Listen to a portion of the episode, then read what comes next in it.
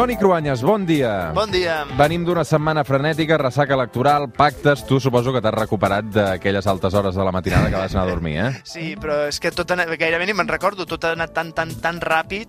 El pacte Sánchez-Iglesias ens ha fet oblidar molt ràpid, eh? Les eleccions, tornem a estar instal·lat una altra vegada amb negociacions, una altra vegada parlant de Catalunya.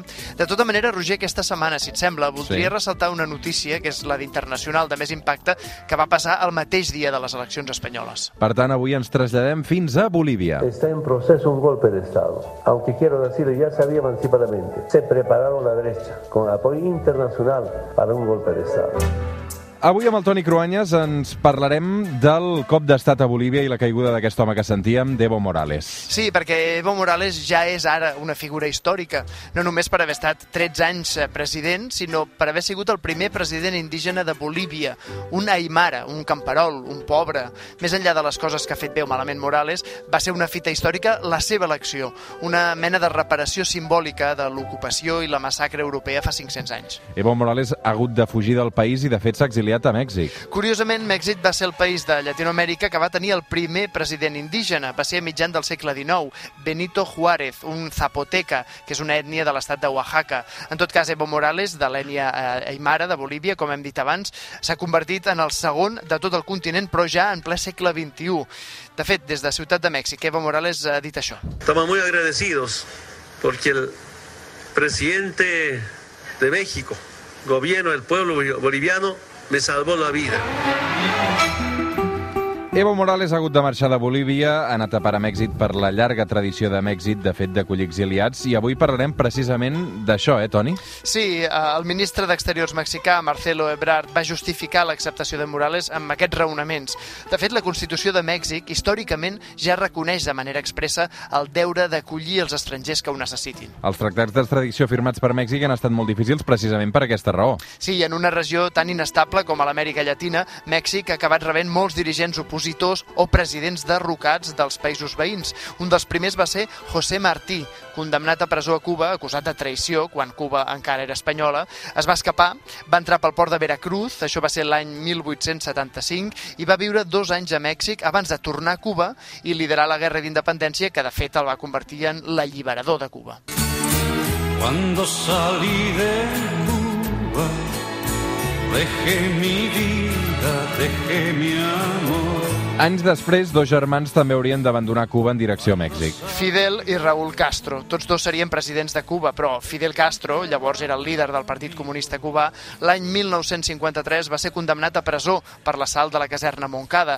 Va ser alliberat, però es va exiliar a Mèxic, des d'on va planejar la invasió de Cuba amb les guerrilles. El novembre del 1956, Fidel Castro va salpar del port de Tuxpan, a Mèxic, amb el mític iot Granma, amb els seus revolucionaris, entre els quals hi havia el Che Guevara. A Mèxic es va forjar la revolució cubana que va guanyar finalment i va imposar un règim que de fet encara dura avui. A més, a Mèxic, Raúl Castro havia fitxat el mític Che Guevara que era allà fugint a la vegada de Guatemala, tot i que ell era nascut de l'Argentina.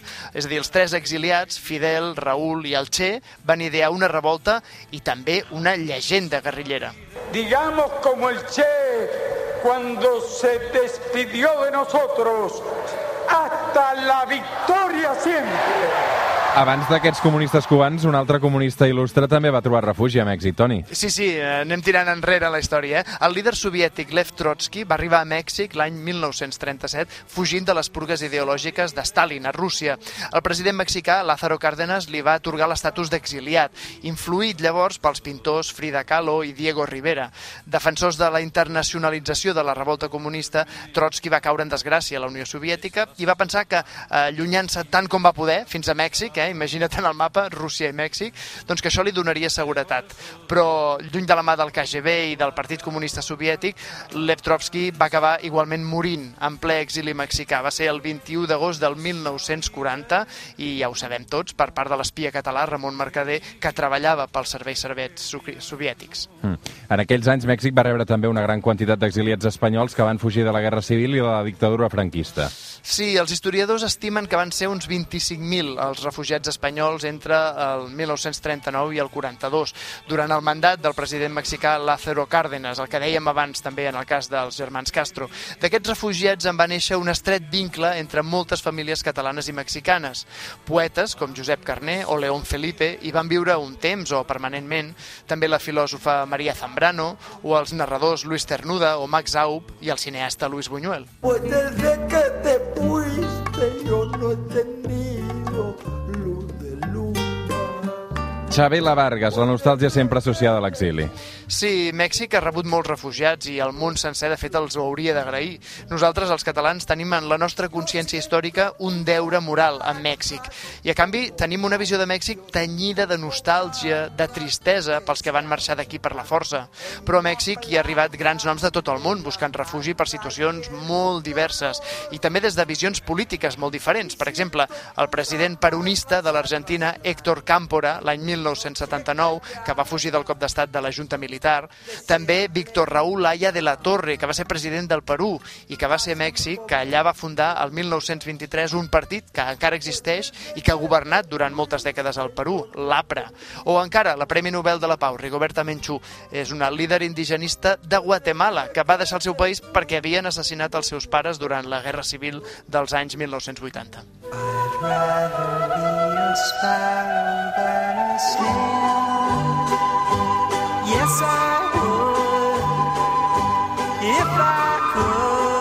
Avui, Cruanyes, arribarem fins les 9 del matí amb aquest Simon and Garfunkel i la versió del El Còndor passa, és això. Sí, ens serveix com una alegoria del còndor que travessa els Andes, és un símbol del país d'Evo Morales, a partir d'aquesta setmana ja resident mexicà. És una llàstima, eh, aquest món en què encara al segle XXI parlem d'exilis i de gent que ha de marxar del seu país per raons polítiques. Toni, una abraçada, que tinguis bon diumenge. Bon diumenge.